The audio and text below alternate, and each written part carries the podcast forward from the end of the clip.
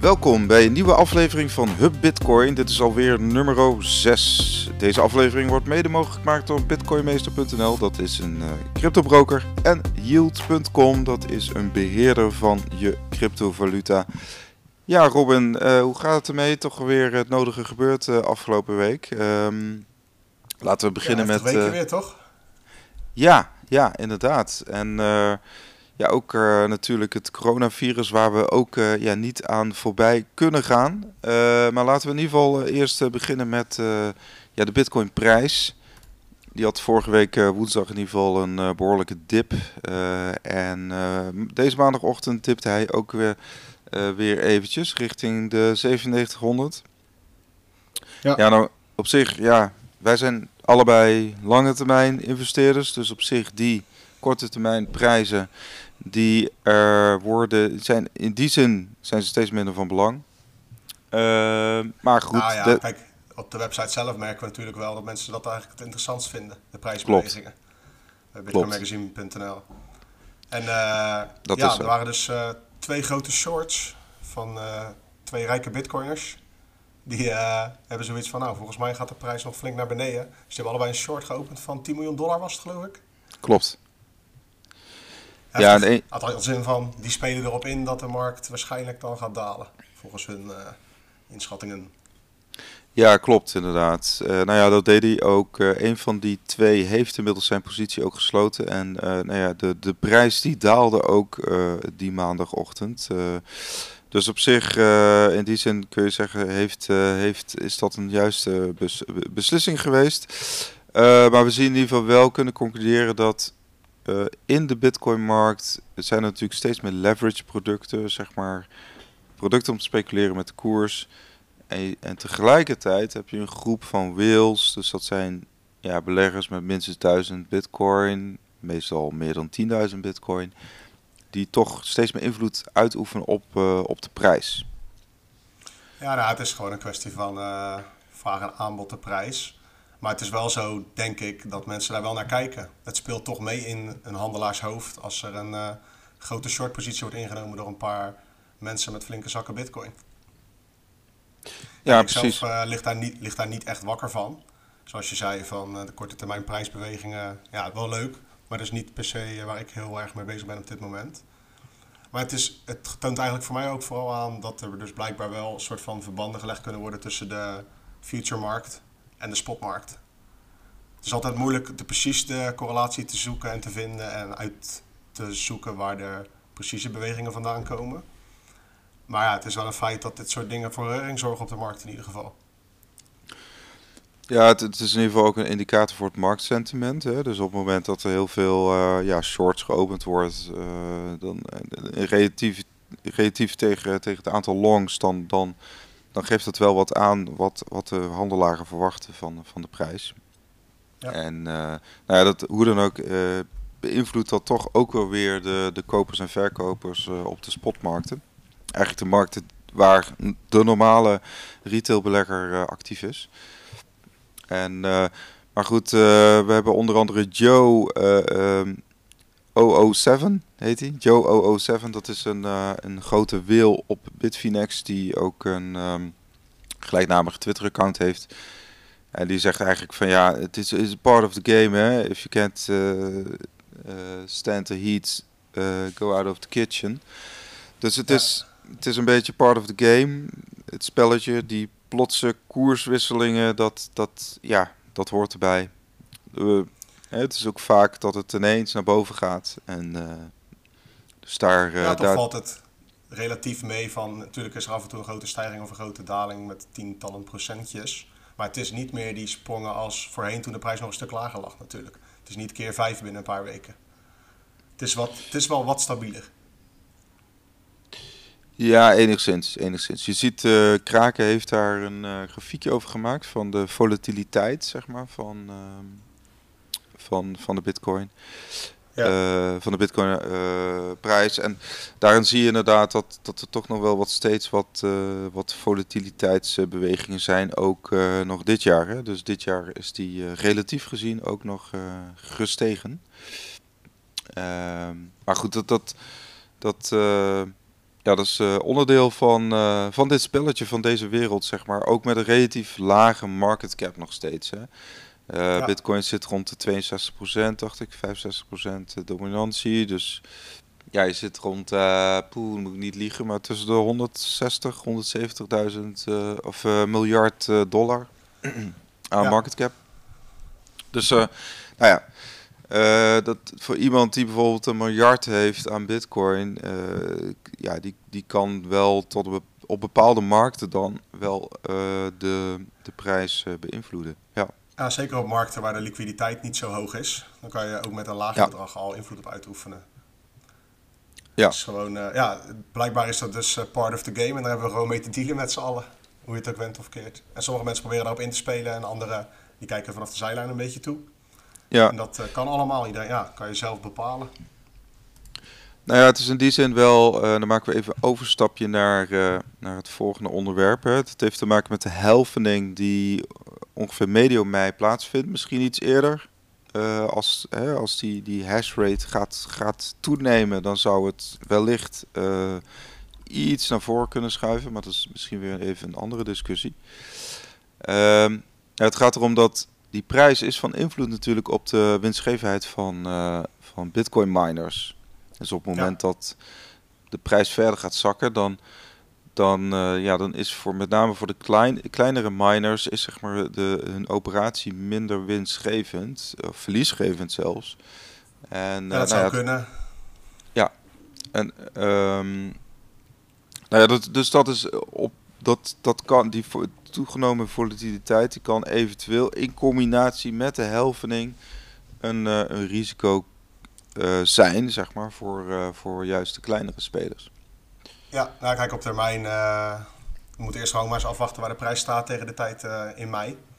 Want wat er dan dus gebeurt is dat miners in plaats van 12,5 bitcoin nog maar 6,25 bitcoin krijgen per blok. Nou, dat is dus gewoon de helft. En als de prijs ongeveer gelijk blijft als nu, ja, dan zullen er aan de onderkant misschien wel miners zijn die niet meer genoeg uh, omzet draaien om de boel uh, online te houden. Maar tegelijkertijd heeft uh, Bitcoin daar gewoon een oplossing voor ingebouwd natuurlijk. Dus een manier om automatisch de moeilijkheid van het aantal bloks, of van de moeilijkheid van de bloks, om die aan te passen naarmate er meer of minder spelers op het netwerk zijn met meer of minder computerkracht. Difficulty rate. Om de twee weken, juist, om de twee weken wordt dat dan bekeken als het ware, het protocol. En dat, mocht het zo zijn dat heel veel miners gestopt zijn, dan betekent dat dat de rest van de miners uh, na die correctie winstgevender kunnen draaien. Die nog wel overgebleven zijn. Dus het is ook constant een spelletje van uh, de race naar die bloks. En dat zal uh, zo door blijven gaan, denk ik. Maar het is wel van belang om te kijken inderdaad van tot welk prijspunt zijn miners rendabel. En dat verschilt ook per plek, denk ik zo. Of je nou in China zit, of ja. uh, China misschien niet echt een goed voorbeeld nu, laten we Texas pakken dan. Of in Limburg hier. Een ander ja. kostenplaatje qua elektriciteit, denk ik. Nee, zeker. De energie in Nederland is duur natuurlijk. Is een dichtbevolkt landje. Uh, we hebben in principe niet zo heel veel natuurlijke bronnen. ja, we hadden heel veel gas natuurlijk, maar... Um, maar dus zeg maar niet vergelijken met, met Canada inderdaad, bijvoorbeeld. Um, en, en ook Amerika, hè? dus we zagen ook een ander nieuwtje van Layer One Technology. Uh, die zijn de afgelopen week ook gestart zeg maar, met het, uh, echt het starten van, uh, van een nieuwe mining farm. Ehm, ja, dus in Texas. Texas inderdaad moet 100 megawatt piek worden qua capaciteit. en daarmee zouden ze ongeveer 2% van de totale computerkracht van het Bitcoin-netwerk zeg maar, de hash rate in, in handen kunnen krijgen, of in ieder geval kunnen leveren, moet je het eigenlijk zeggen. Ja, op dit uh, moment hè. Want dat is dus op dit moment. de laatste tijden echt hard aan het stijgen, gewoon heel de tijd. Dus voor hetzelfde geld uh, wordt dat percentage lager over een paar maanden. Dat, weet, dat weten we natuurlijk niet precies. Nee, maar goed, zij hebben behoorlijke ambities, want zij willen uiteindelijk 30% van, uh, van de hash rate in handen krijgen. Uh, onder andere Pieter Thiel, bekend van medeoprichter van PayPal, was ook vroeger investeerder in Facebook. Uh, die ja. heeft uh, geïnvesteerd in deze ja. technologiebedrijf. Die weet zijn projectjes wel uit te kiezen, zo te zien. ja, ja dat PayPal en Facebook. Maar kijk, kijk, kijk bijvoorbeeld naar zeg maar hoe dat nu verdeeld is. Nu is het ongeveer, hè, je hebt ongeveer 10 à 12 mining pools, zeg maar. Die zeg maar de mhm. taart verdelen.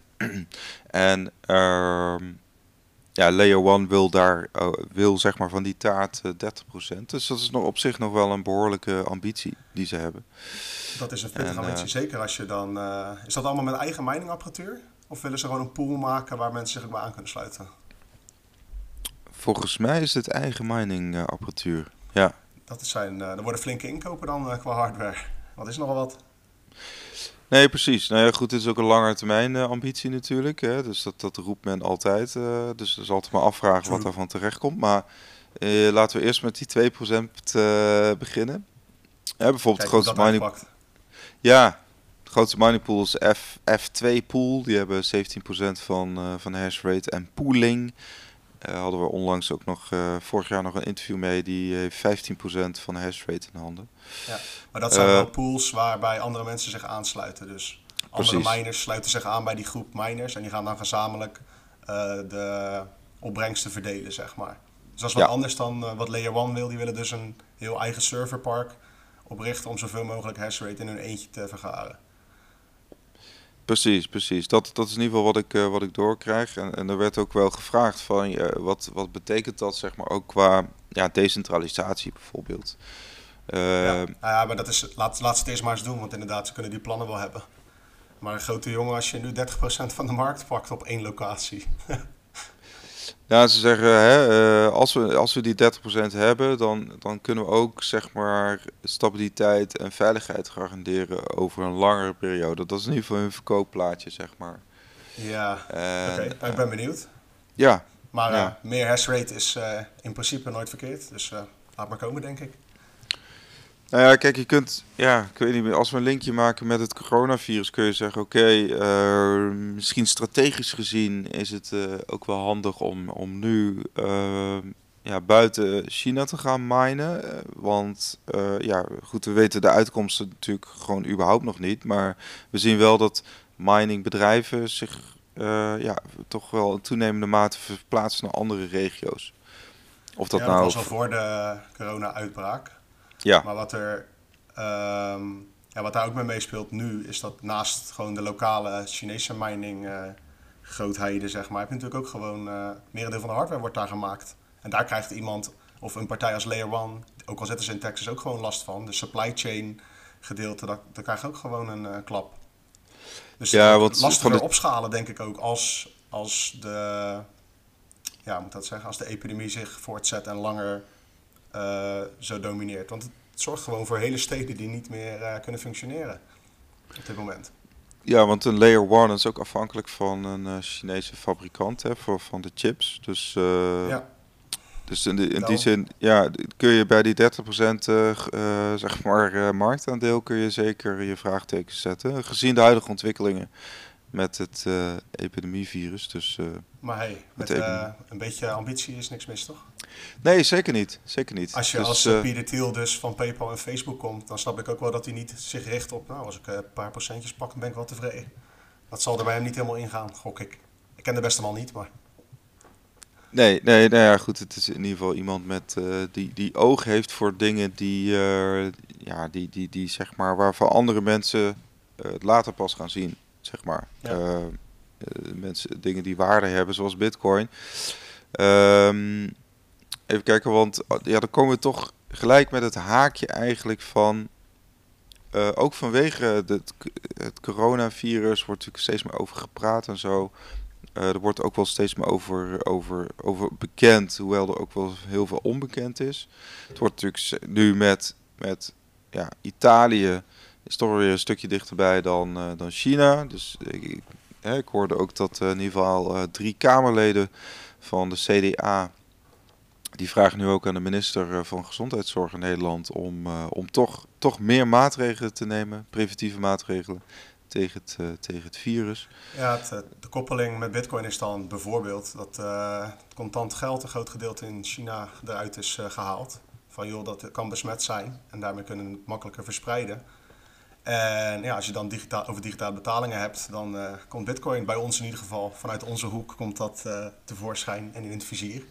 Ja. En dan is eigenlijk een beetje de discussie, daar uh, hadden we vandaag een artikel over op de website. Is Bitcoin voorbereid op mogelijk wereldwijde crisis? Als in, wat als we met z'n allen Bitcoin gaan gebruiken tijdens een crisis? is het netwerk daar wel klaar voor? Het korte antwoord is trouwens gewoon nee. Maar. Um, Waarom niet? Die, die rol wil Bitcoin wel. Nou, dat één. Moet je voorstellen dat we met z'n allen nu transacties gaan doen. Dus we gaan naar de Starbucks en we gaan een koffietje bestellen. Mm als, ieder, als iedereen daar uh, op dit moment, iedereen die nu een betaling doet, als iedereen dat nu met Bitcoin zou doen, dan loopt heel de, de, de pool vol en dan krijg je gigantische wachtrijen qua transacties. En dan gaan, de transactie, dan gaan de transactiekosten omhoog van ja, per transactie. En dat is, eh, dat, is niks, dat is gewoon hoe Bitcoin werkt. Dat is niet, niet uh, goed of slecht. Sterker nog, Bitcoin werkt supergoed voor wat het uh, wil doen. Maar het is dus niet zo dat als we, met als we massaal zouden overstappen op dit moment, dat dat een smooth experience gaat worden, zeg maar. Ja, het, het werkt dus nog niet voor massa-adoptie, dat kunnen we concluderen. Ja, maar dat is ook oké, want daar zijn we ook nog helemaal niet, denk ik. Hm. Jij en ik uh, zijn er dagelijks mee bezig en wij hebben nog steeds uh, eigenlijk constant het idee van, oh, werkt dit zo? En oh, dit leer ik ook weer nieuw bij elke dag. Ja, nee, eens, eens. Nee, maar goed, kijk, uh, afgelopen week was er ook een meetup, daar, uh, daar kon je heel makkelijk met Lightning betalen. Nou, dat, dat, dat, gaat, dat gaat super smooth, weet je wel. Dat is echt gewoon poef, dat is echt milliseconden. Klopt. En, en dus daar, daar ligt dan wel een soort van ruimte. Alleen ja, die, die, dat is ook nog vrij experimenteel. Daar kun je ook nog uh, ja, dat, is zo afhankelijk van zoveel factoren, zeg maar. Uh, hoe zich nou, als je het eh, zelf in eigen beheer wil nemen, is Lightning best wel uh, ingewikkelder te ingewikkeld te gebruiken vergeleken met gewoon on-chain transacties, vind ik. Tegelijkertijd mhm. heb je natuurlijk wel al, hoe heet die van het nou, Phoenix. Die maakt het relatief makkelijk.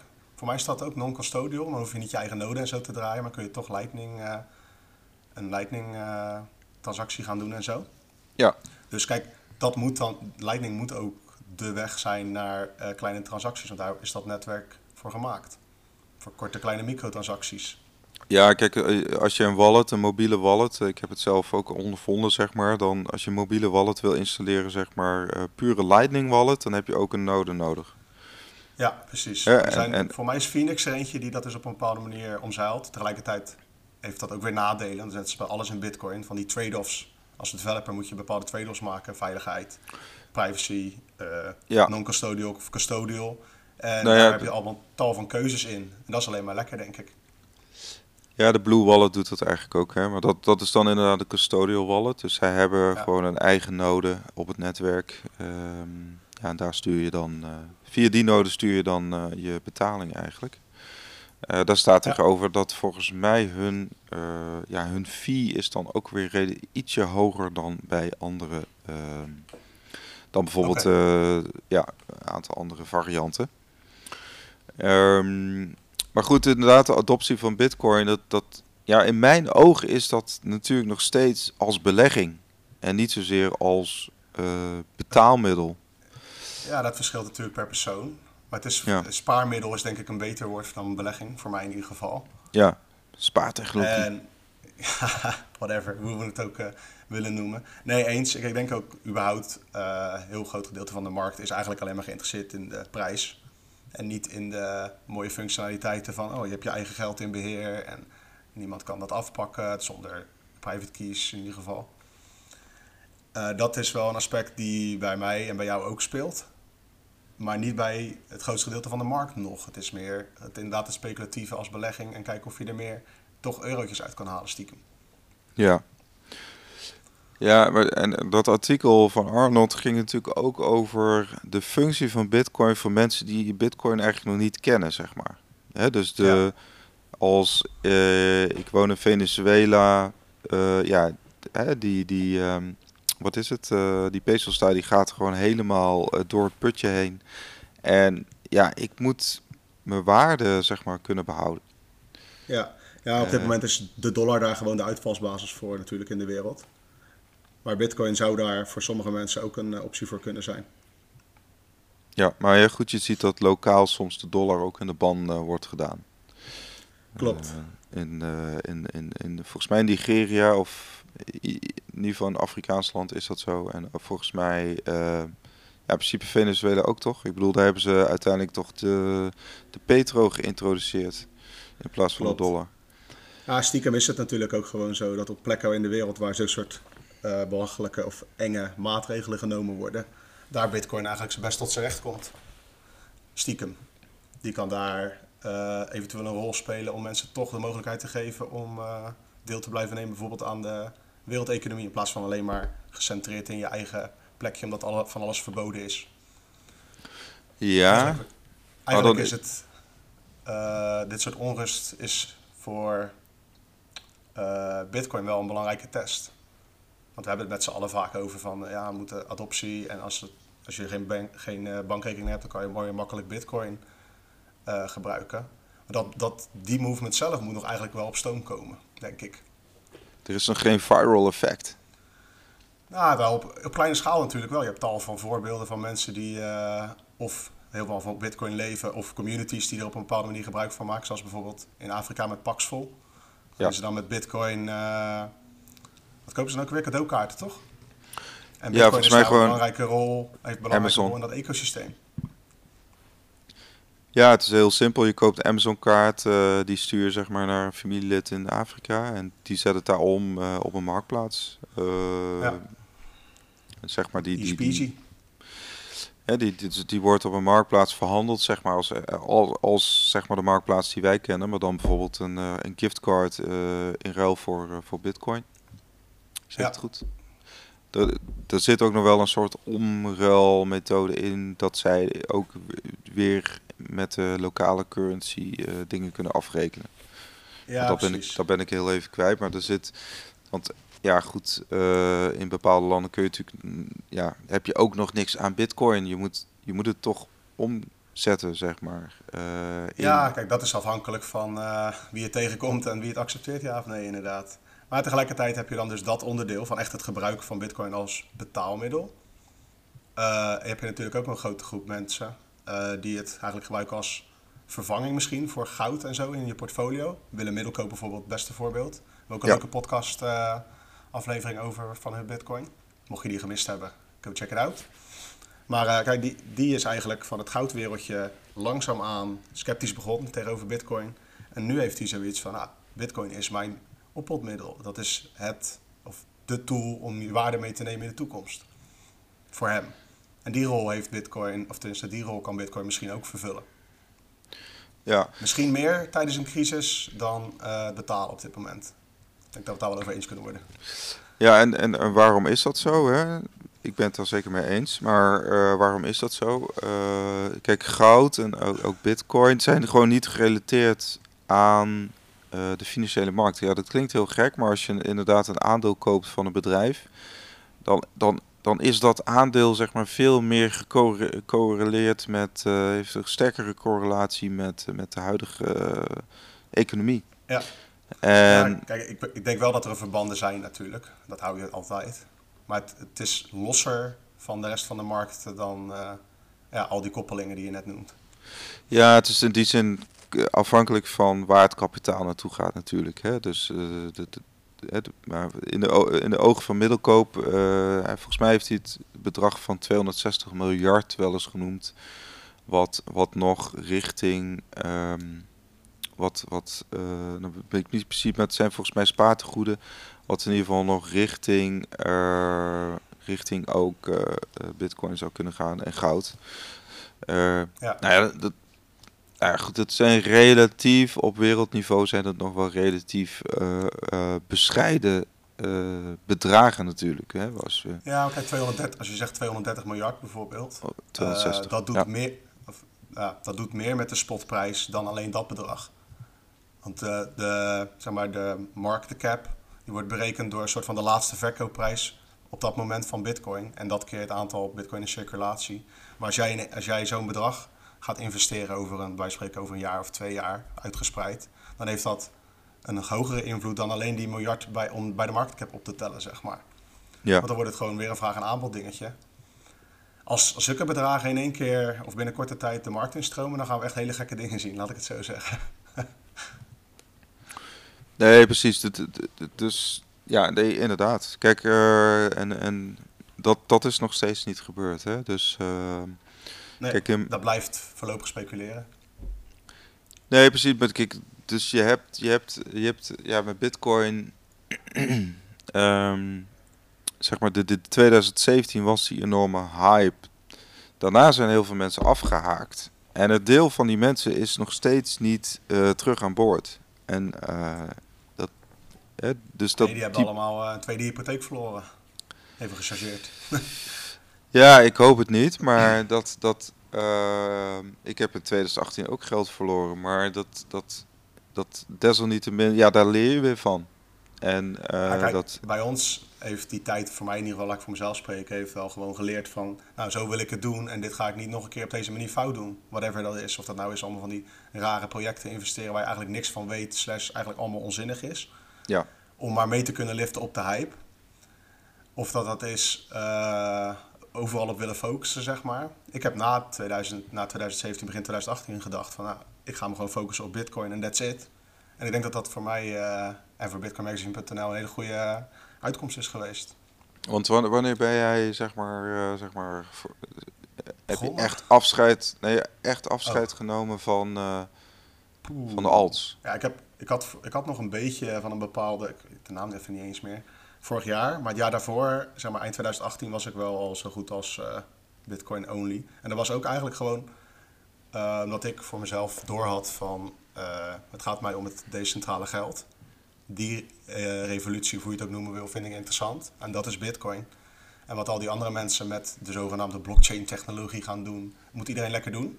Maar het is niet per se voor mij op dit moment. En dan kan, uh, als er iets voorbij komt wat ik wel interessant vind, dan uh, wil ik me daar altijd wel in vastbijten. Maar op dit moment is het gewoon Bitcoin, Bitcoin, Bitcoin. Ja, het, het, het geldt voor mij uh, natuurlijk ook. Ik, ik heb heel veel, heel, veel project, heel veel projecten gesproken, ook uh, vooral veel projecten buiten Bitcoin. En ja. over het algemeen hele, hele goede bedoelingen, zeg maar. Ik bedoel, het, het, zijn echt, echt niet allemaal oplichters. alleen, wat wel zo is, waar ik me vragen bij stel, is altijd van... wat, wat is nou de nut, de nut van een token, weet je wel? Nou, ja. ja. En dan, er wordt, vaak wordt dan gezegd van oké, dat is dan een manier om financiering binnen te halen. Maar ja. Klopt, maar dat is echt een bullshit reden om uh, iets uit te geven wat mensen dan vervolgens nog kunnen verhandelen. nou, kijk, wat, wat, en dat zien we natuurlijk ook wel, wel bij ons in de chat, dat, dat, dat er nog steeds mensen zijn die denken dat ze rijker worden met alts dan met bitcoin. Weet je wel? Dat, en dat, dat kan, hè, als belegging, als een soort van penny stocks en heen en weer handelen en weet ik wat, dat kan. Ja, maar Alleen dan moet je goed zijn. Dan moet je de factor, nee, maar dan moet je ook de factor tijd zeg maar uh, meenemen. Want ja. dan moet je de factor tijd meenemen, de factor tijd die je kwijt bent om zeg maar al die alts te treden. Dan moet je zeg maar al die uurtjes die je, die je daarmee bezig bent, moet je maar eens gaan, gaan bijhouden en optellen. Ja, je wil zeggen en, dat je nog een baantje daarnaast kunnen nemen. Nou ja, je kunt ook zeggen, oké, okay, nou ja, ik denk, ik denk, zou ik zo zeggen, mensen die, die gewoon een prima baan hebben en die zeggen, joh, ik koop voor whatever, ik koop, eh, doe eens gek, ik koop één bitcoin en die zet ik gewoon mhm. apart uh, op een wallet en, en, en, dat laat ik voor wat het is. Ja. Uh, ik denk dat die bet uiteindelijk beter uit zijn qua tijd-rendement verhouding dan iemand die fulltime aan het traden is. Ja, nou dat is tot nu toe denk ik wel. Maar ja, je, je, hebt ook tal van voorbeelden. Iedereen heeft tenminste, ik heb ze ook al in mijn omgeving van mensen die er wel gewoon goed bij gebeurd hebben door al die gekkigheid aan mee te doen en in te schatten van wat er gaat gebeuren. Het is niet voor mij. En die markt ja, leeft toch ook wel. Hè? Ik bedoel, dat is, kijk naar Binance. Dat is, die worden bekend ja, voor afgod. Dat zijn gewoon bepaalde groepen gewoon hele belangrijke platformen. En hele grote platformen die voornamelijk groot zijn geworden met die altcoin trading. Niet met bitcoin. Ja, kijk, ik, ik heb zelf persoonlijk ook niet zo heel veel tegen trading. Ik, ik, en ik, ik snap ook best wel dat mensen daar gewoon geld uh, mee kunnen verdienen en juist meer bitcoin mee kunnen verzamelen. En ik denk ook zeker dat uh, tot op bepaalde hoogte, zeg maar, buy and hold of ik denk, zal ik zo zeggen, voor de meeste mensen is buy and hold, hè, met in combinatie met uh, dollar cost averaging, best een prima strategie. Maar wil je er echt meer tijd in besteden, nou, dan kun je overwegen om actief te gaan traden. En misschien ja, inderdaad... kan ook wat anders gaan doen, zoals wij. Gewoon bloggen. of iets anders met bitcoin doen. Kijk, dat heb ik heel erg. Ik heb geen zin, precies wat jij zegt, om daar zoveel tijd in te stoppen in het traden. Ook omdat ik weet dat ik toch niet top of the bill daarin ga worden. Daar, daar je, wordt, je wordt gewoon verslagen door alle. Als blogger wel, toch? Als blogger. Als blogger wel. Als blogger wel, toch? dat uh, zou ik zelf nooit zeggen. Maar het gaat lekker toch met de bezoekersaantallen? zeker, zeker. Jouw artikelen worden altijd heel goed gelezen. Tuurlijk. Uh, um, Terug naar een nieuwtje. Ik ja, een uh, grappig nieuwtje gevonden. Het is een grappig, eigenlijk best wel een treurig verhaal uit, uh, de, uit Ierland.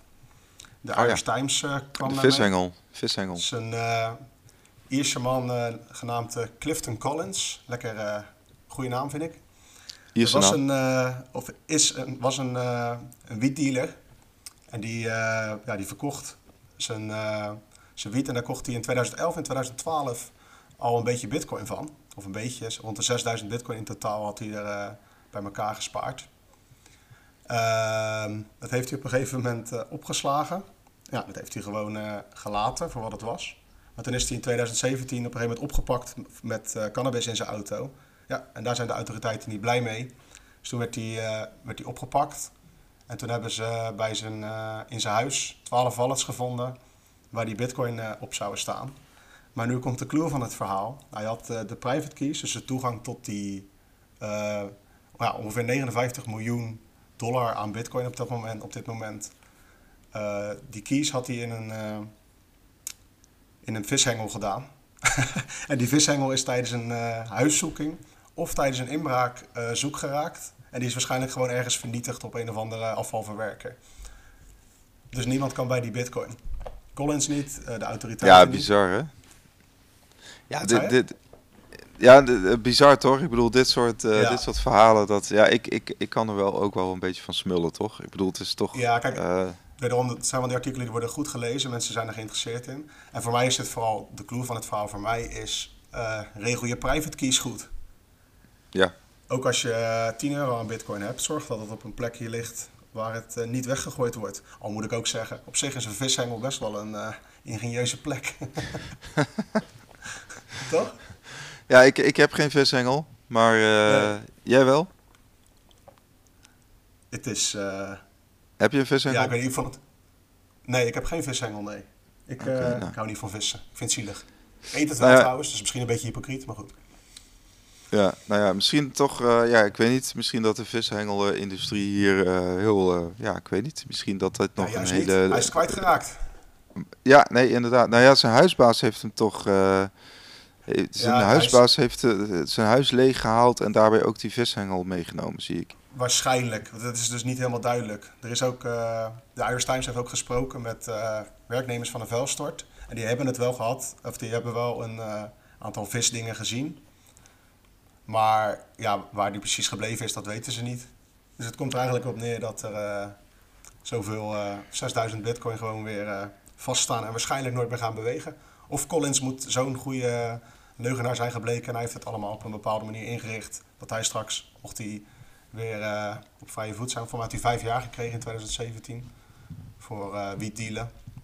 Uit mijn hoofd. Dus het was deze keer geen phishing mail, maar gewoon een vishengel. ja, ander soort van, ander soort van phishing. Nee, het, het zijn van die bizarre verhalen die je dan af en toe eens tegenkomt dat je denkt van, wat is het toch ook een gek, gek wereldje. Maar hij nou geeft ja, zelf toe uh, mm. in de krant van, uh, ja, het is mijn eigen fout geweest. En hij noemt het eigenlijk een straf voor zijn eigen stommigheden van wat hij allemaal gedaan heeft. Dus hij lijkt er wel in ieder geval in het openbaar redelijk overheen. Want, want hoe, hoe werkt dat dan eigenlijk? Ja, dat, dat is denk ik een beetje onduidelijk van... Ik bedoel, hij is die bezittingen kwijt. De autoriteiten kunnen daar voor de rest ook niks aan doen. Ze kunnen niet aan hem nog een extra boete opleggen of zo. Of moet hij nu nee, langer ja, in de dat gevangenis? Weet ik niet precies. Nee. Maar het is in ieder geval zo dat ze niet bij die bitcoin kunnen, want die private keys zijn gewoon weg. nee, precies, precies. Dus kijk, en ik weet niet hoe, uh, hoe hard dat in Ierland gespeeld wordt. Als je dat dus kwijt bent, echt aantoonbaar kwijt bent.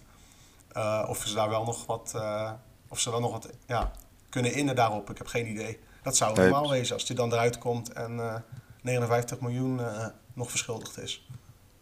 Nee, precies. Dat, dat, dat, ja, dat lijkt me. Ja, goed. Dat is misschien weer een te, te, te harde straf wat dat betreft.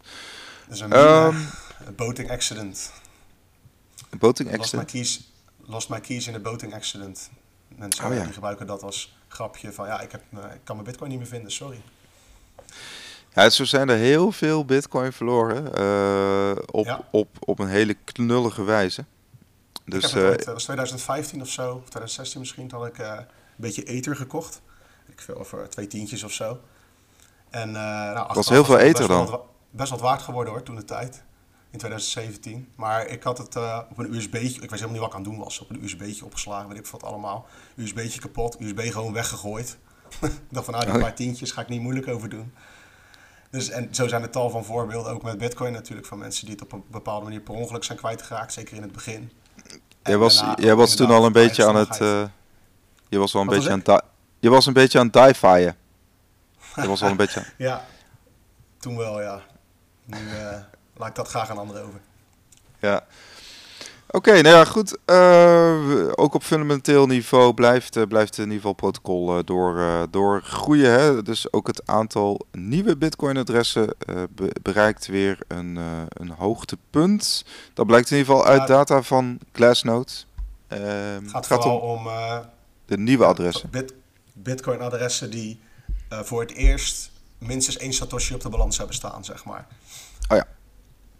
Ja, Dat, goed. eh, ja, dat hebben ze bij Glassnode goed in een grafiekje geplaatst. En dan zie je ook duidelijk dat het eh, meebeweegt met, eh, met de prijsstijgingen, zeg maar. Wat logisch is, want is er, het stijgt de prijs, dan is er meer interesse en dan gaan mensen meer het netwerk gebruiken. Dat is gewoon de basics van hoe het werkt. Eh, en wat het eigenlijk wil zeggen is dat er dus meer Bitcoin-adressen dan nieuwe Bitcoin-adressen dan ooit worden gebruikt momenteel. En te- ja, eh, we kunnen niet eh, alle pers- we kunnen niet personen koppelen aan de adressen. Dus je kan niet stellen van er zijn meer Bitcoin-gebruikers uit deze data. Want sterker nog, het is aan te raden om eigenlijk bij elke transactie een nieuw Bitcoin-adres te maken als je niet gevolgd of te makkelijk gev- gevonden wil worden. Mhm. Want al je, al je betalingen staan natuurlijk gewoon op één plek. Moet je je voorstellen dat jouw eh, bankrekening gewoon openbaar is voor iedereen. Dan uh, ja, dat is, niet voor, dat is niet wenselijk, denk ik.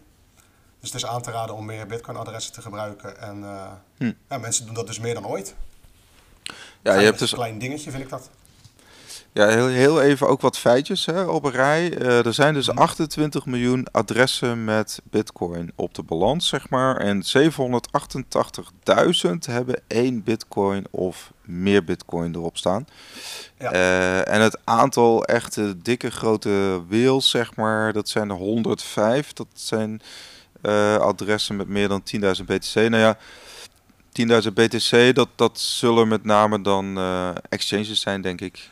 Ja, dan moet je Eh, denken aan ook die hele vroege vogels. eh, Roger Ver ook bijvoorbeeld. En eh hoe heet die Ja, andere doet nou? Winkelvos. Meyer. Winkelvos Ja. Brothers zul je ook hebben. Maar tegelijkertijd, die, die hebben waarschijnlijk ook hun bitcoin wel meer weer verspreid hoor, in ieder geval. Ja. Maar ja, ik, ik vind die feitjes altijd wel leuk om te kijken hoe het nou op het netwerk zit. Ja. Eh, eh, iets iets, eh, iets heel anders. Er is natuurlijk gewoon het Lightning Network. En dat is natuurlijk, ja, eigenlijk dus, de, misschien kun jij het beste uitleggen. Het is eigenlijk gewoon een nieuw netwerk. Wat zeg ja, maar het is op de, op, laag op, bovenop bitcoin.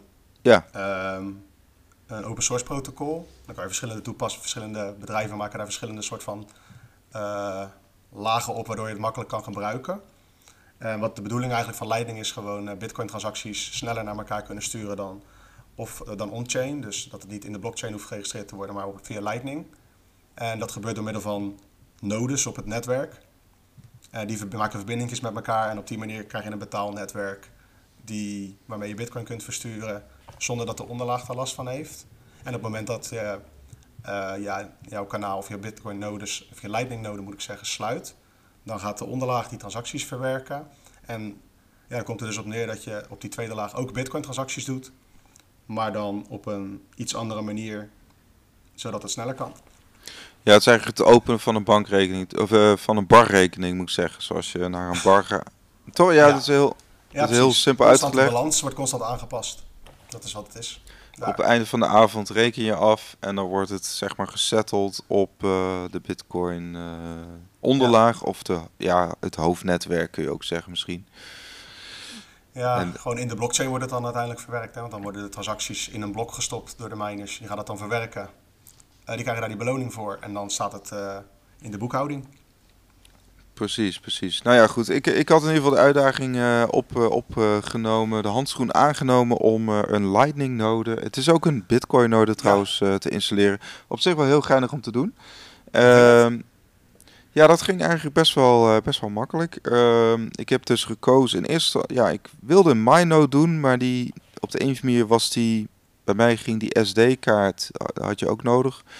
Uh, om de MyNote programmaatje, zeg maar, om, uh, om het MyNote programmaatje op die SD-kaart te zetten. Nou, die kreeg inderdaad een foutmelding. Toen ben okay. ik toch maar even overgestapt naar, uh, naar Raspberry Blitz. Hoewel anderen overigens wel gewoon goede ervaring hebben met MyNode hoor. Dus, dus over ja. het algemeen is MyNode qua, qua software ook wel iets, iets uitgebreider. Eigenlijk maar, is Raspberry... Deze was voor jou gewoon geschikt op dit moment. Ja, Raspberry Blitz is, het is allemaal open source. Je kunt alles zeg maar vinden op GitHub. Je kunt alle tips en tricks daarvan afhalen. En het is best wel uitgebreid. En al, die developers zitten ook allemaal op, op, op Twitter. Hè? Dus het gaat een soort heel, heel nieuw netwerkje aan developers voor je open. Ja, ja omdat je ook... is echt wat dat betreft wel aan het groeien ook. Ja, ja en, en je hebt ook... Ja, soms wil je ook gewoon direct een vraag stellen aan een developer van ja, hoe, hoe, hoe zit dat nou precies uh, met uh, het koppelen van je, mobie van je mobiele wallet aan je Lightning node? Hoe zit dat dan? Heb je, heb je dat vaak gedaan? Uh, die vraag gesteld bedoel je aan die developers? Ja, gewoon aan mensen. Of hebben we dat gewoon wel via YouTube en tutorials kunnen doen? Nee, grotendeels kan het inderdaad via YouTube. Ik had op zich op YouTube een heel uh, goed account. Ja, dat heette Explore Crypto. Die jongen legt het heel stapsgewijs uit, echt stap voor stap. En eigenlijk kun je dan bijna niet uh, verkeerd gaan. Nee. En um, ja, je moet gewoon de juiste hardware hebben. Uh, ik had nog een Raspberry Blitz 3 plus uh, 3B Plus liggen. Dat is eigenlijk de, de voorloper van de 4. Uh, op zich met een 3B Plus kun je nog steeds een aantal diensten draaien, zoals dat heet. Dus okay, je kunt, maar het is wel aan te raden toch om een iets nieuwer model te nemen, of niet? Of is dit voor wat je nu wil doen, een Lightning node en een Bitcoin node runnen, voldoende? Ja, dit, dit, dit, dit kan prima hoor. Kijk, het is meer stel dat je echt uh, een, zeg maar een, uh, een BTC-server eraan wil hangen. Nou, dat zou denk ik ook nog wel kunnen met deze. BTC-server bedoel je? Ja, BTC, ja. en, en uh, Nee, duidelijkheid, BTCP-server is een uh, open source betalingsverwerker voor Lightning transacties.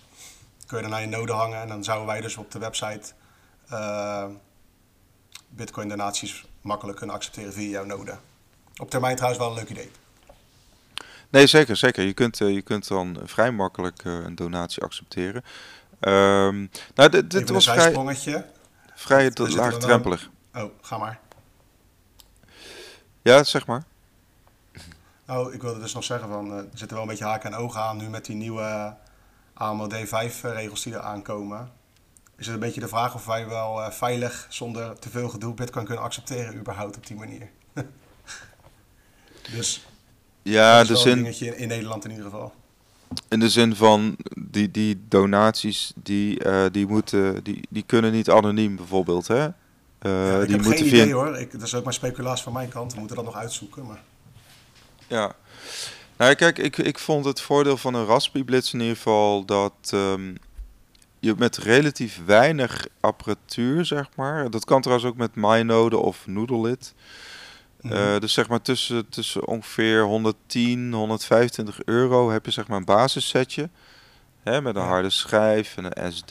En ik had er nog wel een LCD-schermpje bij uh, uh, gehaald. En ja, je hebt een paar kabeltjes nog nodig.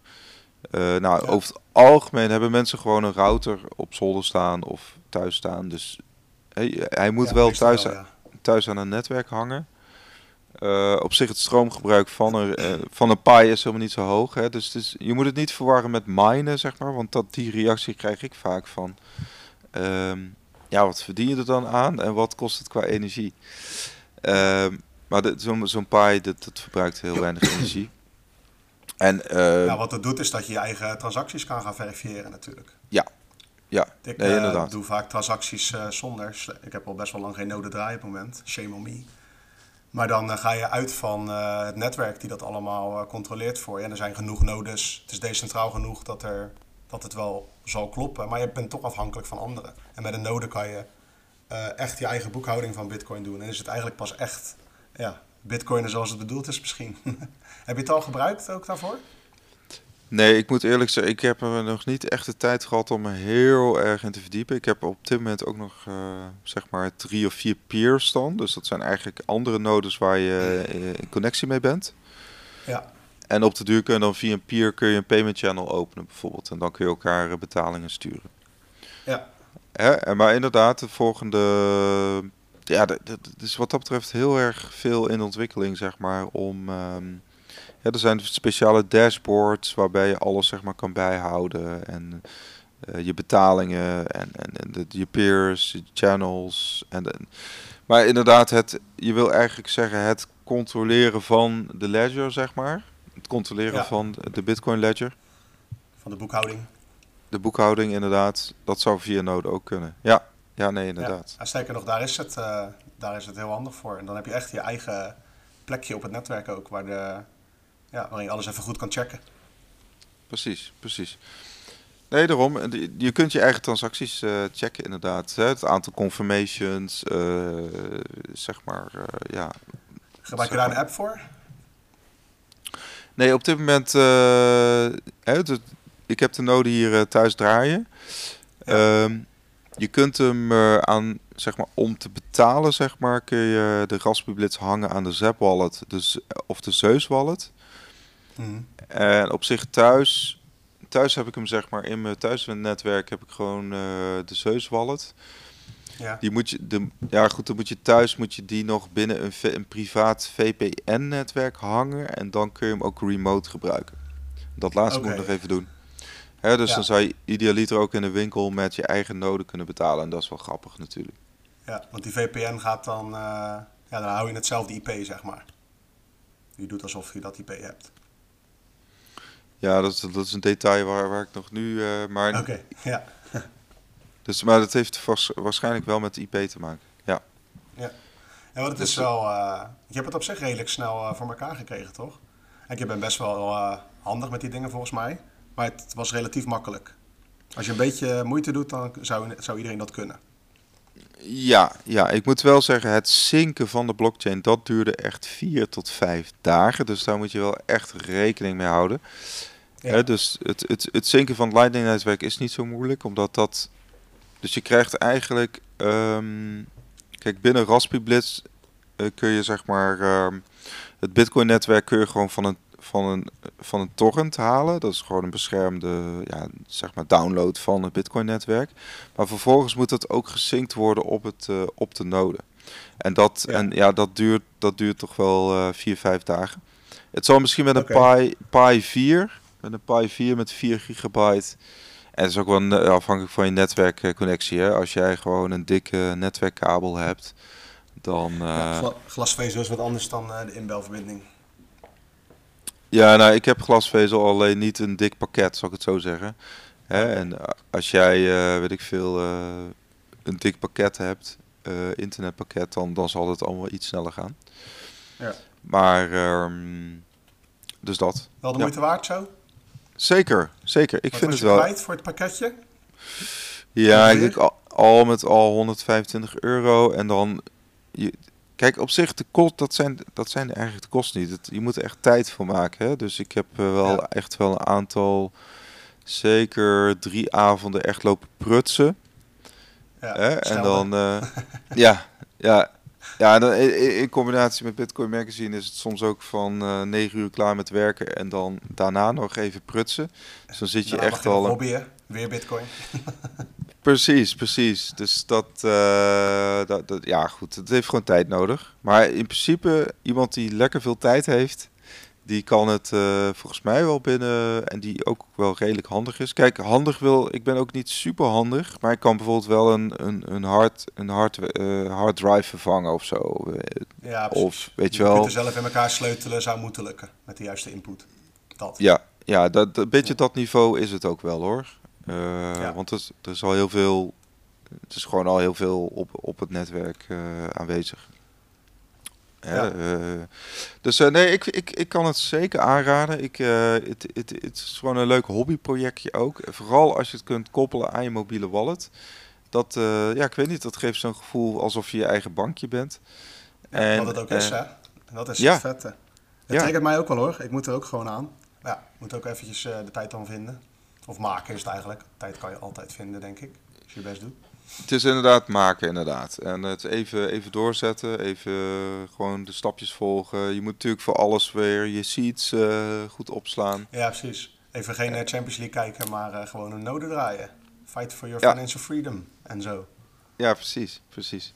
Dus um, nee, ik, ik kan het iedereen aanraden. Ik ga er denk ik ook nog wel een artikeltje aan wijden om gewoon even stap voor stap een aantal tips te geven. En misschien even een, een apparatenlijstje, wat kun je aanschaffen. Alright. uh, dus, uh, dus dat.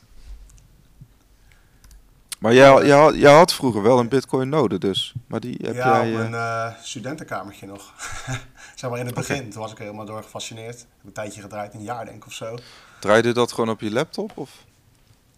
nee, ik had ook een Raspberry Pi. Ik weet god niet meer wel, welke. 2015. Nou, anyway.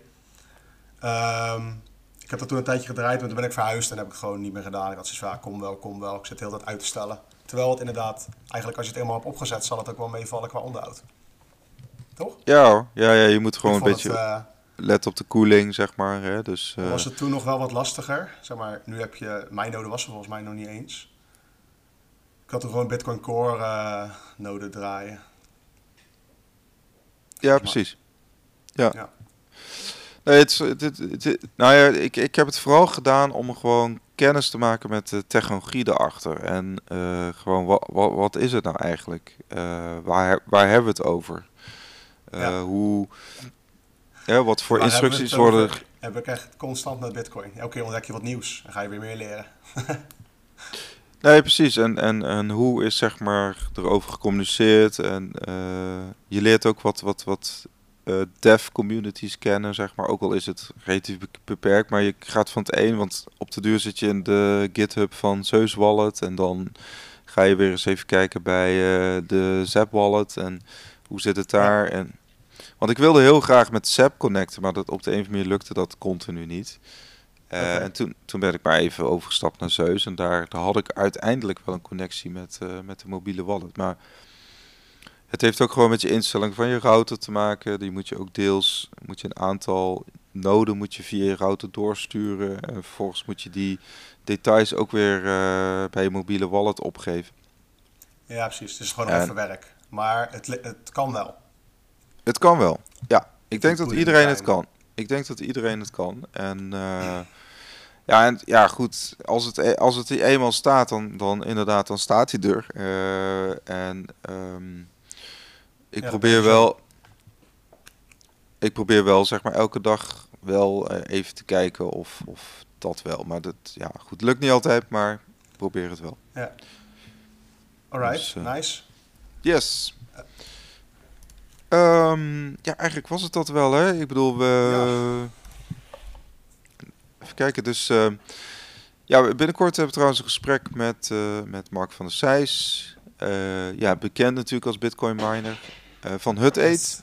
En Canada. Uh, Canada, inderdaad. Nou, we gaan het hem ook hebben over het coronavirus natuurlijk. Want hij heeft de nodige uh, mensen die hij kent in, in China. Dus ja. ik ben benieuwd. En nou, Robin, dank voor de uitzending. Yes. Thanks voor het luisteren ook allen. En ja, hou ons uh, hou bitcoinmagazine.nl in de gaten. Ook voor de aflevering van Hub Bitcoin met Mark van der Zijs. En ja, happy bitcoining denk ik. Later. Yes. Bye bye.